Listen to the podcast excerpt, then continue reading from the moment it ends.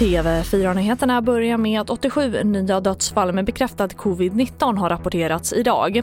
Vilket innebär att totalt 12 1115 personer mist livet i smittan i Sverige enligt Folkhälsomyndigheten som håller koll på statistiken. Och statsminister Stefan Löfven berättade idag att han har stuvat om i regeringen som berör Miljöpartiets ministerposter. Per Bolund blir ny miljö och klimatminister och även vice statsminister.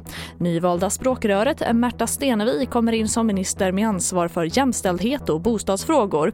Åsa Lindhagen tar över som finansmarknadsminister och ett nytt ansikte i regeringen, Per Olsson Frid, blir ny biståndsminister. Vi bygger ett starkare samhälle där välfärd, trygghet och en rättvis klimatomställning prioriteras. Och det i hela landet.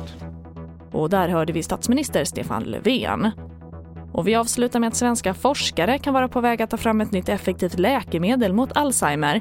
Man känner sedan tidigare till att ett giftigt protein påverkar nervtrådarna hos de som har sjukdomen. Men nu har forskarna upptäckt exakt var det här giftet finns och det här är kunskap som kan vara avgörande för att hitta ett botemedel. TV4-nyheterna, jag heter Charlotte Hemgren.